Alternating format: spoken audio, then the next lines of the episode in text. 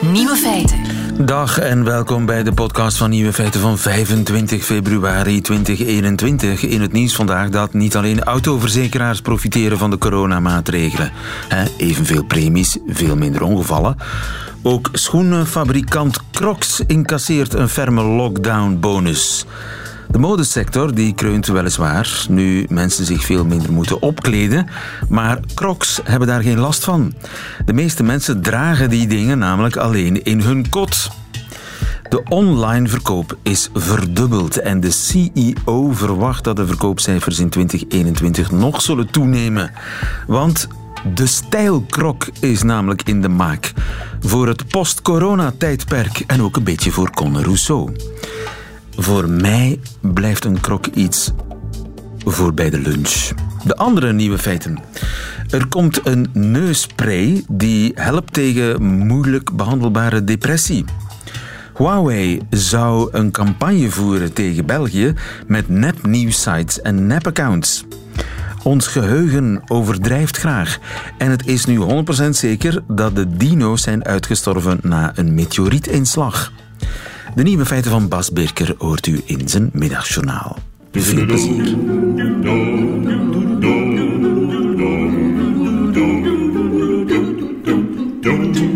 Nieuwe feiten. Het heeft er alle schijn van dat Huawei, dat Chinese telecombedrijf, dat dat een campagne voert tegen België. Met nepnieuws en nep-internetprofielen. Dat blijkt uit onderzoek van Rien Emmerich, onderzoeksjournalist bij KNAK en ook bij VRT Nieuws. Goedemiddag, Rien. Goedemiddag. Jij volgt deze zaak voor KNAK. Welk nepnieuws wordt er dan verspreid over ons, over ons land? Wel, het is niet echt nepnieuws. Het zijn eigenlijk nepnieuws-sites. Ik heb... Ehm, onlangs ontdekt dat er een netwerk bestaat over heel Europa van 16 nieuwssites die zich voordoen als nieuwssites. Uh, die gebruikt worden door Huawei om opiniestukken op te publiceren en die dan te, te delen op Twitter. Ja. Dus die sites zijn samengesteld uit artikels die ze kopiëren van echte nieuwsorganisaties, kranten, maar ook VRT Nieuws zelfs. En die men ofwel rechtstreeks plagieert, ofwel een klein beetje verandert, af en toe een synoniem voor een ander woord kiest. En zo probeert men de indruk te wekken dat dat echte nieuwsites zijn. En daartussen publiceert men dan opiniestukken of pro-Huawei-stukken. En die deelt men op Twitter. En als je niet goed oplet, is het echt amper te zien dat het gaat om nep-nieuwsites. Um, dat is één deeltje van de campagne die Huawei heeft gevoerd, maar er zijn nog heel wat andere aspecten. Zoals nep-internetprofielen? Ja. Um, verschillen van die, van die opiniestukken pro-Huawei die zijn geschreven door echte mensen, die echt bestaan, uh, al dan niet in opdracht. Maar sommige, hebben we ontdekt, uh, zijn geschreven door uh, mensen die niet bestaan. Die dus op Twitter zitten met een profielfoto die samengesteld is met artificiële intelligentie. Die hebben namen die Belgische namen zijn. Ze doen zich voor als Belgische technologiebloggers of technologievolgers. En die hebben, uh, twee daarvan hebben een zogezegd een opiniestuk geschreven over Huawei in België, dat ze toch absoluut zouden mogen moeten het 5G-netwerk verzorgen hier. Maar die mensen bestaan dus niet. En zo waren er in totaal 14 fake Twitter-profielen, die dan onderling telkens ook al die opiniestukken deelden. En die werden ook geretweet door de echte personeelsleden van Huawei Europe, eh, een bepaalde dienst die eh, hier eigenlijk aan de basis van ligt. En die worden ook enorm veel geliked en gedeeld, die, die stukken. Ja, onder andere door ook allemaal profielen die niet bestaan. Ja, er is een heel team van een, achttal Chinese medewerkers dat actief is geworden op Twitter uh, in de loop van 2020. Die hebben opeens honderdduizenden volgers verzameld, die uiteindelijk vooral bleken in Afrika uh, zich te bevinden en in India.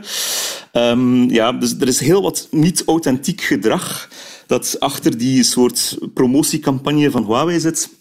En dan vooral de inhoud van die opiniestukken was zeer aanvallend ten opzichte van de Belgische regering. En vooral dan de beslissing die nakende is, waarbij uh, Huawei en een andere Chinese uh, technologieleverancier van 5G-netwerken zou uitgesloten worden om uh, het netwerk in België te mogen verzorgen. Dus een soort um, laatste mogelijke campagne die ze probeerden te voeren om dat tijd te keren, maar die dus ja, gebaseerd was op heel wat nieuwssites en personen op Twitter die niet bestaan. Ja, en dat zijn dus uh, specialisten in uh, de kwestie, maar die bestaan niet. Belgische specialisten. En schrijven die in het Chinees? Nee, toch? Nee, die schreven in het Engels um, en die tweeten af en toe ook in het Nederlands. Maar ondertussen zijn ze allemaal verdwenen, want er is een, een, een New Yorks internetonderzoekbedrijf die ze heeft gerapporteerd bij Twitter. En Twitter heeft die allemaal offline gehaald. Um, die websites kan je nog altijd vinden. Uh, er zijn websites zoals cyberdigital.be. Als je eens wil surfen daar naartoe, dan zie je meteen een, eh, een valse nieuwswebsite die dus ook gebruikt wordt om een soort Huawei-propaganda te doen. Ja, het is, uh, het is een heel bizar verhaal dat ik al weken volg. En het staat dus deze week in knak. Um... En uh, zij schreven soms ook in het Nederlands. En was dat uh, correct Nederlands? Was dat echt Belgisch-Nederlands? Of was dat een soort van um, Google-Nederlands? Nee niet, niet zo goed. En eigenlijk het Engels is ook niet zo goed. Je merkt aan het Engels dat het gebroken Engels is, dat, met, dat er bepaalde uitdrukkingen niet zo uh, natuurlijk overkomen. Het, het, is duidelijk iets dat niet door een professioneel communicatiebureau of een reclamebureau geregeld is, maar vermoedelijk dus door uh, mensen die het Engels niet als moedertaal hebben. Um, dat merk je wel duidelijk, ja. En hoe zeker zijn we van de link tussen al die nep-internetprofielen en nep-stukken en nep-twitteraars? De link tussen die groep en het bedrijf zelf? Hoe zeker zijn we daarvan? Wel, dat is dat is, dat is de vraag. Um, er zijn enorm veel aanwijzingen, maar het, sluitende bewijs ontbreekt nog. De aanwijzingen komen erop neer dat de enige andere mensen die links naar die nep-nieuwsites delen uh, en de enige andere mensen die die, fake twitteraars aan het retweeten waren massaal, honderden keren, hè, waren allemaal mensen die werkten voor Huawei Europa. Ik heb ook wel um, via met de hulp van heel wat andere internetonderzoekers um, kunnen achterhalen dat een bepaalde Indiase man uh, zit achter de registratie van die websites. Um, en die heeft hij ook gebouwd. En hij werkt onder andere ook voor Huawei in een soort half-officiële capaciteit. Uh, als moderator op fora, op Reddit, op het community forum, het officiële community forum van Huawei zelf. Het is een soort ja, um, superfan van Huawei, die ook voor hen klusjes opknapt, uh, die ze misschien ja, onder de arm hebben genomen, omdat ze niemand vonden in de communicatiewereld die dit wou regelen voor hen. Ja, nu wordt Huawei waarschijnlijk uitgesloten van dat 5G-netwerk bij ons, omdat ze niet echt 100% betrouwbaar zijn. Dit bewijst het. Um, dat is een beetje, dat is een beetje het, het vreemde aan deze campagne. Het, is, het was super amateuristisch uitgevoerd. En het is heel raar dat ze dat gedaan hebben. Maar de reden dat er zoveel... Ja, dat, dat, dat, dat men al twijfelt aan Huawei om te beginnen, is omdat men vermoedens heeft, of die, die leven toch heel sterk en die worden ook heel hard gepusht uh, vanuit Amerika, die vermoedens dat Huawei als een Chinees bedrijf met roots uh, oorspronkelijk in, bij het Chinese leger um, eventueel zou verplicht worden of vrijwillig allerlei informatie die passeert via hun netwerken, 5G-netwerken, overbrieven naar de Chinese staat, de Chinese communistische partij. Dus dat, dat, is, uh, dat, is, dat is waar het helemaal om draait. En elk Europees land moet nu zelf beslissen of ze met Huawei willen werken. Uh, en ze targeten daarbij elk land apart met dit soort campagnes. Ze hebben eerder al hetzelfde gedaan in Roemenië, toen men in Roemenië een bepaalde wet al had uh, vooropgesteld dat die ook Huawei zou uitsluiten. En zijn ze die website van de overheid daar gaan bombarderen met reacties dat het toch geen, uh, geen werk was en dat Huawei ja. absoluut moest toegelaten worden. Ja. De kans bestaat natuurlijk nu dat ze het omgekeerde bereiken. Ja, dat is het vreemde eraan. En het, het, het bizarre is dan, dit is één specifieke tak van Huawei. En heel veel mensen die voor Huawei werken, Huawei Europa, Huawei België, vallen volledig uit de lucht, zijn hier helemaal niet mee akkoord. Maar dat is een beetje hoe het bedrijf uh, de laatste tijd ook in het nieuws komt. Um, dat er echelons zijn die overlappen voor een stuk waarbij de Chinese medewerkers eigenlijk aan de touwtjes trekken en dat heel veel medewerkers die in West-Europa worden aangenomen, ja, uh, een soort window dressing zijn of, eigenlijk niet zo heel veel te zeggen hebben. Dat de uiteindelijke beslissing komt uit China en dat, ja, men merkt dat dan. Uh, Europese medewerkers van Huawei merken dat dit ja, te opvallend is en echt niet werkt en contraproductief is. Ze proberen dat uh, te laten weten, maar er wordt niets ondernomen en het gaat gewoon verder. Heel boeiend. Dankjewel, Rien Emery. Goedemiddag. Dag. Lieven van den Houten. Het is nu helemaal zeker. De dinosaurussen die zijn uitgestorven door een meteoriet. En dat weten we nu helemaal zeker dankzij Steven Goderis. Goedemiddag, Steven. Hallo, goedemiddag. Steven, jij bent geoloog bij de VUB en leider van een onderzoek naar de meteorietinslag die destijds de dinosaurussen heeft doen uitsterven. Klopt, een van de vele teams die daarop werken, ja.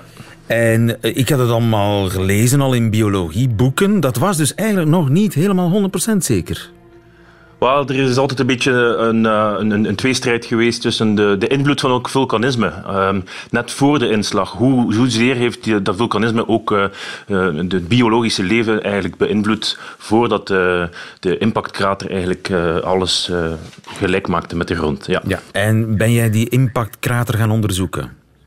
Ja, in 2016 is er eigenlijk een, een, een boring gebeurd in, uh, in de krater zelf. Helemaal uh, in het midden, eigenlijk op een, een heuvelring uh, die zich van, centraal in de krater voordoet.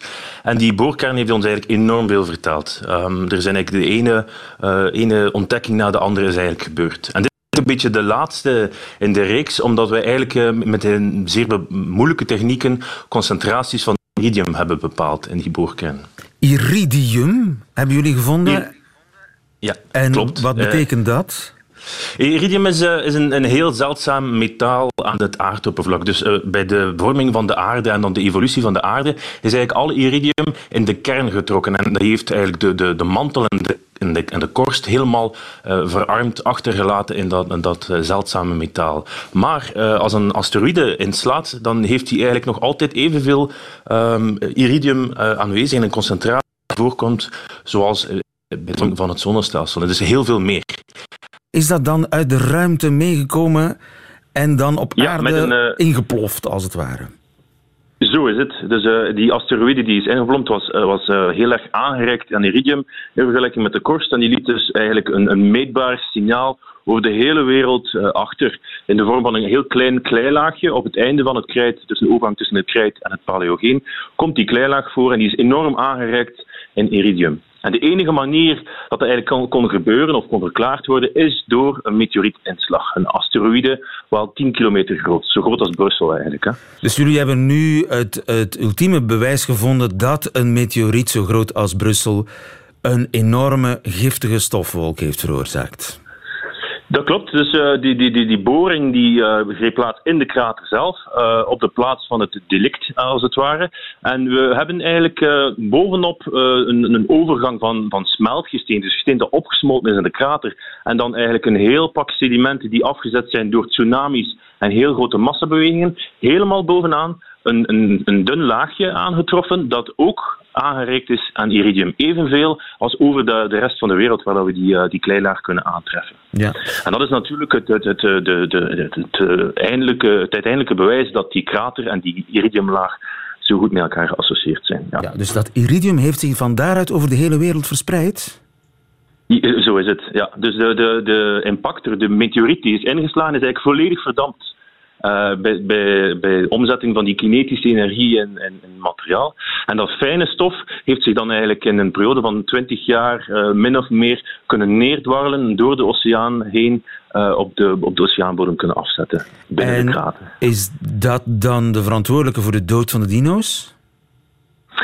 Uh, ja, dus, uh, dat, dat, is een beetje de, de, de eindconclusie. Dus uh, er was al heel veel bewijs daarvoor dat, dat we zien onder de kleilaag wereldwijd komen nog dino's voor. Na de iridiumlaag komt die niet meer voor. dus dan zien we eigenlijk wel andere soorten leven, veel microscopischer, klein, maar, maar, maar niet meer geen dino's. Dus die zijn verdwenen. en, en is dat omdat ze dat ingeademd hebben, omdat dat giftig is? Nee, nee, dus uh, de impact uh, plaats op, op een, een plaats die heel erg, de, de, de gesteente waar die in, inviel, is heel zwavelrijk en heel CO2-rijk. Dus eigenlijk had je een, eerst een afzetting van, van aerosoldelen in, het, in de atmosfeer, waar een, een, afkoeling van de aarde plaatsgreep door het verduisteren van het zonlicht. En daarna had je natuurlijk die, uh, die broeikasgassen die actief werden en alles eigenlijk uh, naar een veel hetere wereld, een broeikaswereld, overschakelde. Dus ongeveer alles is toen uitgestorven? En toen uh, heel weinig species konden zich daaraan aanpassen.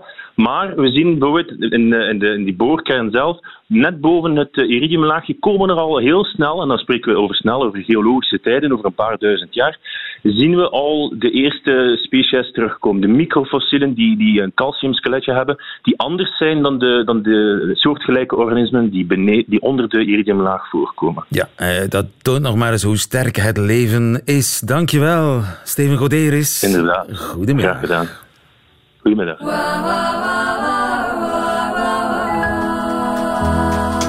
Nieuwe feiten. Kan een partydrug helpen tegen moeilijk behandelbare depressies? Er komt binnenkort een neusspray op de markt met daarin een soort ketamine. En die moet mensen uit hun depressie helpen. Dr. Sven Esterkam, goedemiddag. Uh, goedemiddag. Van het Jessa ziekenhuis in Hasselt. Die spray kent u, hè? Uiteraard, ja. Die hebben we al een aantal keren gebruikt in clinical trials. En we hebben nu ook de mogelijkheid uh, van de firma die de, de spray gebruikt, om die ook al te gebruiken. Ja. U heeft hem uitgebreid getest. Wat zit erin? Er zit uh, S-ketamine in. Dat is een uh, gezuiverde vorm van ketamine. En ketamine is een product dat al lang bestaat. Ketamine is ook een partydrug, hè? Inderdaad, ja. Dus het is aanvankelijk op de markt gekomen als anestheticum, maar is dan uiteindelijk eh, begin jaren 2000 ook in de partywereld terechtgekomen. En de gezuiverde versie daarvan heet S-ketamine en die zit in die neusspray en u heeft hem getest. Werkt die? Ja, hij werkt zeker. Uh, maar je moet wel selectief zijn natuurlijk uh, bij wie hem gaat gebruiken. En wie heeft er het meeste baat bij? De bedoeling is dat hij vooral gebruikt wordt voor mensen met een moeilijk behandelbare depressie. Eh, TRD wordt dat genoemd, therapieresistente depressie. En dat wil eigenlijk zeggen dat mensen eerst al twee andere behandelingen gehad moeten hebben, voldoende lang en voldoende uh, gedoseerd als het over medicatie gaat, die geen succes had. En dan kun je starten met die neusspray. En dan werkt die wel? Uh, bij de meeste mensen werkt die dan wel. Ja, nu, het is niet het wonderproduct dat voor iedereen zal werken, maar we hebben wel hele mooie resultaten gezien. En is daar een verklaring voor dat de klassieke antidepressiva falen daar waar die ketamine werkt? Nu, het is al langer geweten dat de antidepressiva die we nu gebruiken uh, niet voor iedereen succesvol zijn. En de esketamine heeft een totaal ander werkingsmechanisme, wat natuurlijk uh, de deur opent ook voor nieuwe behandelstrategieën. En die werking, heeft dat te maken met ja, het, drugachtige van uh, ketamine? Dat je daar vrolijk van wordt en, en extatisch?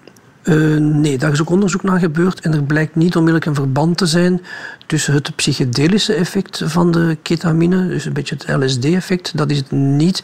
Er werd even gedacht dat het wel zo zou zijn, maar dat blijkt niet het geval te zijn. En eigenlijk is het niet helemaal duidelijk hoe het komt dat het zo snel werkt, want ook dat is een verschil met de gewone antidepressiva, waar je toch drie, vier weken moet wachten eer je een resultaat ziet. Bij die esketamine gaat het over een aantal uren tot een dag.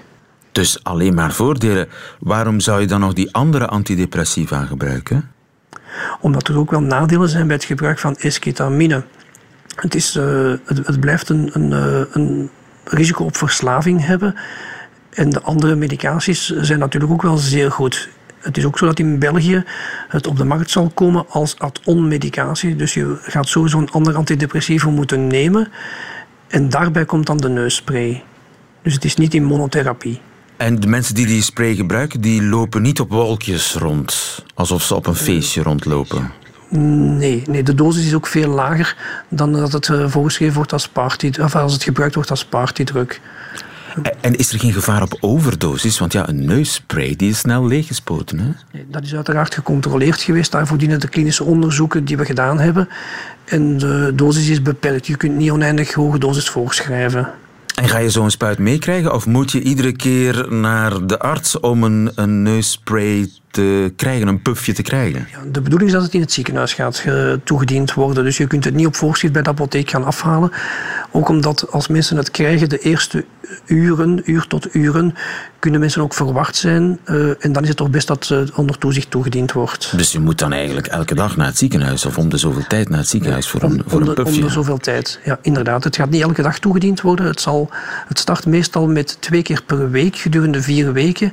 En dan wordt het afgebouwd naar één keer per week of één keer om de twee weken als onderhoudsbehandeling. En zo heeft u al ja, moeilijke gevallen toch kunnen genezen? Inderdaad, ja. klopt.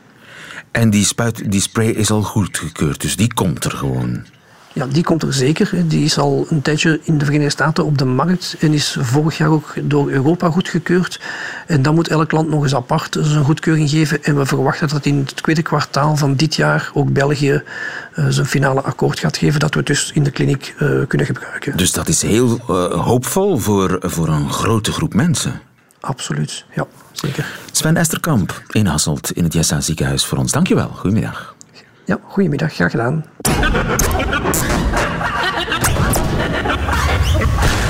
Nieuwe feiten.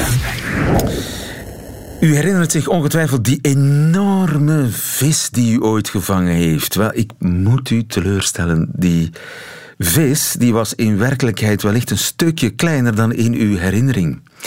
En dat komt niet omdat u zo graag indrukken maakt met grote vissen. Nee, het is uw geheugen zelf dat de vis heeft vergroot. Blijkt uit nieuw onderzoek. Wouter Duik, goedemiddag. Goedemiddag, lieve. Je bent eh, psycholoog aan de Universiteit van Gent. Overdrijft ons geheugen? Ja, inderdaad, dat kan je zo wel zeggen. We, wisten eigenlijk al uit eerder onderzoek dat ons geheugen notoir onbetrouwbaar is. Dat wisten we eigenlijk al. En dat komt dus omdat we heel veel vergeten. En dan is de vraag, waarom vergeten we? Vroeger dacht men eigenlijk van, ja, we vergeten gewoon omdat er tijd passeert. Dus ergens zal er een biologisch proces in onze hersenen gebeuren. En dat wordt misschien zwakker doorheen de tijd. En daarom vergeten we, zo dachten we vroeger. Hè. Maar ondertussen weten we eigenlijk dat dat niet klopt. Hè, want er zijn gebeurtenissen die heel lang geleden zijn, onze trouwdag bijvoorbeeld, die heel lang geleden zijn en die we toch nog zeer goed weten. Hè. En inderdaad, bijvoorbeeld als je ooit een massieve grote vis gevangen hebt, dan is dat misschien even lang geleden als een andere gebeurtenis die dag. En die ene gebeurtenis ben je compleet vergeten. En die vis, daar denk je dat je nog alles over herinnert. En psychologen zijn dan eigenlijk tot de conclusie gekomen van kijk, we vergeten niet omdat er ondertussen veel tijd gepasseerd is. Nee, we vergeten omdat er ondertussen veel andere dingen gebeurd zijn. En dat fenomeen dat noemt men met een moeilijk woord interferentie. En um, wat je elke dag doet op je werk, alle dagen lijken op elkaar, dat zijn zaken die heel veel interferentie ondervinden. We hebben heel veel werkdagen gehad die er hetzelfde uitzien. En dus weten we ook niet meer zo goed wat we vorige week woensdag gedaan hebben. want die dagen concurreren allemaal met elkaar in ons geheugen. Dat noem jij die interferentie omdat dat zijn gelijkaardige gebeurtenissen die met elkaar ja, in competitie gaan voor een plekje in ons geheugen. Ja, inderdaad, inderdaad. Maar als er ooit iets speciaals gebeurd is, je hebt nu ooit een karper gevangen die veel groter is dan een andere, hè, dan herinner je dat wel. Hè. En er is nu onderzoek gebeurd dat rechtstreeks aangetoond heeft dat als we herinneringen creëren, dat we de bijzondere aspecten van zo'n gebeurtenis, dat we die in ons geheugen eigenlijk gaan opblazen, dat we die belangrijker maken dan ze zijn, dat we die gaan overdrijven, net om die herinnering aan die ene vis anders te maken dan de herinneringen die je gemaakt hebt aan vele andere vissen die je misschien uh, gevangen hebt. Om hem te kunnen onthouden, en, moeten we hem groter maken. Inderdaad, inderdaad. En het experiment waar het hier over gaat, is weliswaar niet gebeurd met vissen, maar het is gebeurd met gezichten. Men heeft een onderzoek gedaan waarin proefpersonen moesten leren welke objecten bij bepaalde gezichten hoorden. En men toonde bijvoorbeeld een gezicht met een rode jas, men toonde een gezicht met een paarse rugzak, maar men toonde ook een gezicht met een blauwe rugzak. En nadien ging men dan mensen onder de scanner leggen en men toonde de gezichten en men vroeg hem van, denk nu aan het object hè, wat u bij dit gezicht geleerd had. En wat zag men? Men zag dat voor die gezichten waar een object bij stond, de rugzak, die in verschillende kleuren terugkwam, hè, dat er heel veel hersenactivatie was in die gebieden waar men dacht aan het kleur van het object. Hè. Dus dat dus kleur werd plotseling groter, belangrijker, om, omdat het precies het enige verschil was tussen die objecten, namelijk een andere kleur. Ja, Ja, inderdaad. Dus als die rugzak terugkwam bij verschillende gezichten, dan was het niet zo belangrijk om aan die rugzak te denken. Hè? Maar dan werd het kleur, dat unieke detail wat belangrijk was. En dan zag je dus bij het ophalen van de herinnering dat kleur heel belangrijk werd. En als men dan nadien ook proefpersonen ging vragen van kijk, je hebt hier een gezicht en daar stond de rugzak bij, kleur die rugzak is in, hè? dan zag je dat proefpersonen in de herinnering die kleuren ook extremer gingen in kleuren dan ze in werkelijkheid waren. Hè. Dus men dacht aan die paarse rugzak niet terug aan een paarse rugzak, maar men maakte dat paars een beetje minder blauw. Hè. Waarom? Omdat in een andere herinnering de rugzak blauw was. Dus men ging die kleuren eigenlijk net iets anders herinneren dan ze in werkelijkheid geweest waren. Om het verschil dus, op te drijven tussen die twee kleuren. Ja, en Inderdaad, dus kleur was heel belangrijk. Hè. Men zag heel veel activatie in die hersengebieden die kleur uh, coderen.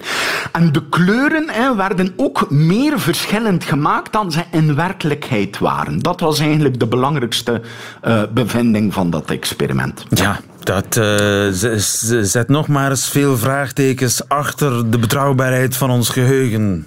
En van de verhalen ja, die we vertellen. Inderdaad, maar ons brein past ons dus aan en dat helpt ons dus ook. Hè. Dit ging nu specifiek over gezichten en veel mensen zullen bijvoorbeeld het fenomeen kennen dat we heel goed het verschil zien tussen westerse gezichten. Hè. En als we naar China gaan en dan zien we daar Aziaten, dan lijken die mensen allemaal op elkaar. Hè. Wel, dit is eigenlijk een, wat het natuurlijk heel moeilijk maakt hè, om te onthouden wie je al ontmoet hebt en met wie je al gesproken hebt. Wel, dit fenomeen wat ik net beschreven heb, dat lost dat eigenlijk op. Hè?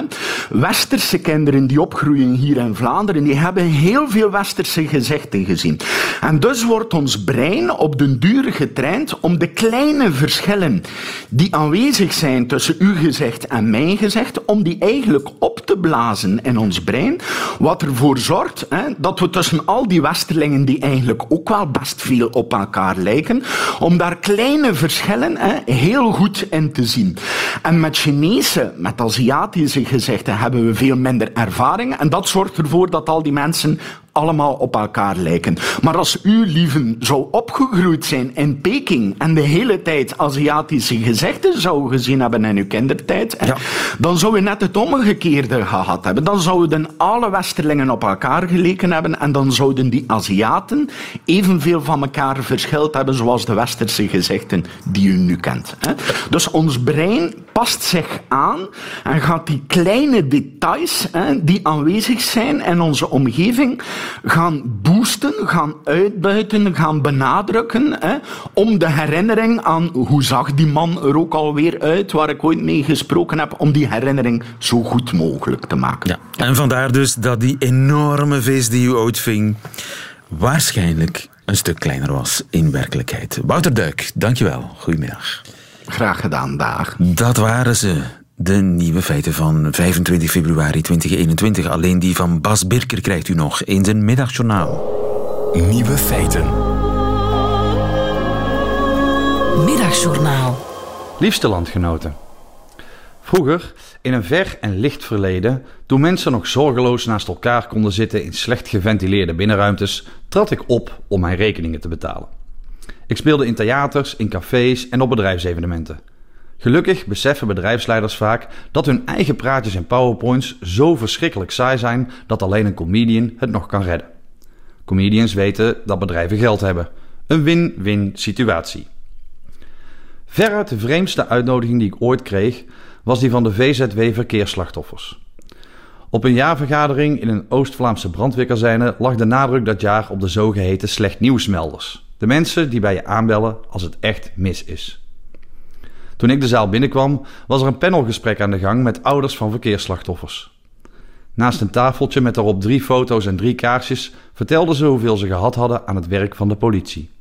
Daarna gaf de gouverneur van Oost-Vlaanderen een speech over de treinramp in Wetteren. Hij barstte in tranen uit. En toen was het blijkbaar tijd voor comedy. Nu heb ik toch al tientallen jaren ervaring met het wegvluchten in grappen bij moeilijke situaties. Maar dit was toch van een andere orde. Ik stapte het podium op, bedankte de organisatie om me uit te nodigen en vertelde dat ik nog nooit zo voorzichtig naar een optreden was gereden. Want wie was er bij mij thuis aan gaan bellen als iedereen daar zat? De aanwezigen lachten. Ik voelde een last van mijn schouders vallen en het werd een ontzettend leuke show. Gisteren stonden de slecht nieuwsmelders aan de school van mijn dochter. En ze werden verwacht. Talloze mensen hadden het ongeluk zien gebeuren. Het slechtste nieuws is een bevestiging van wat je eigenlijk al weet, maar nog even probeert te ontkennen. Ik reed met een omweg naar school om mijn dochter op te halen. Mijn zolen konden de hoeveelheid lood in mijn schoenen amper houden. En dat terwijl ik er absoluut het recht niet toe had. Ik was er niet bij toen het gebeurde. Ik was niet degene die het slechte nieuws ontvangen moest. Ik mocht gewoon mijn kind ophalen. En dat voelde verschrikkelijk onrechtvaardig. De dag na de crematie van mijn vader ging ik in première. Dat was toen een prima afleiding. Vandaag zou ik willen dat er iets weg te lachen viel. Maar er moet niks weg. Er moet iets terug. De tijd. Vroeger was alles beter. En eergisteren ook.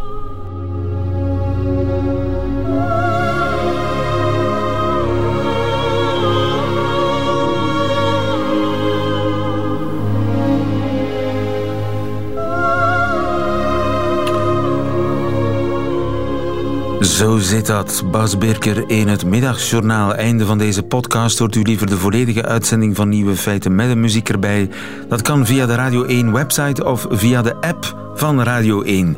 Daar vindt u overigens nog veel meer fijne podcasts. Tot een volgende keer.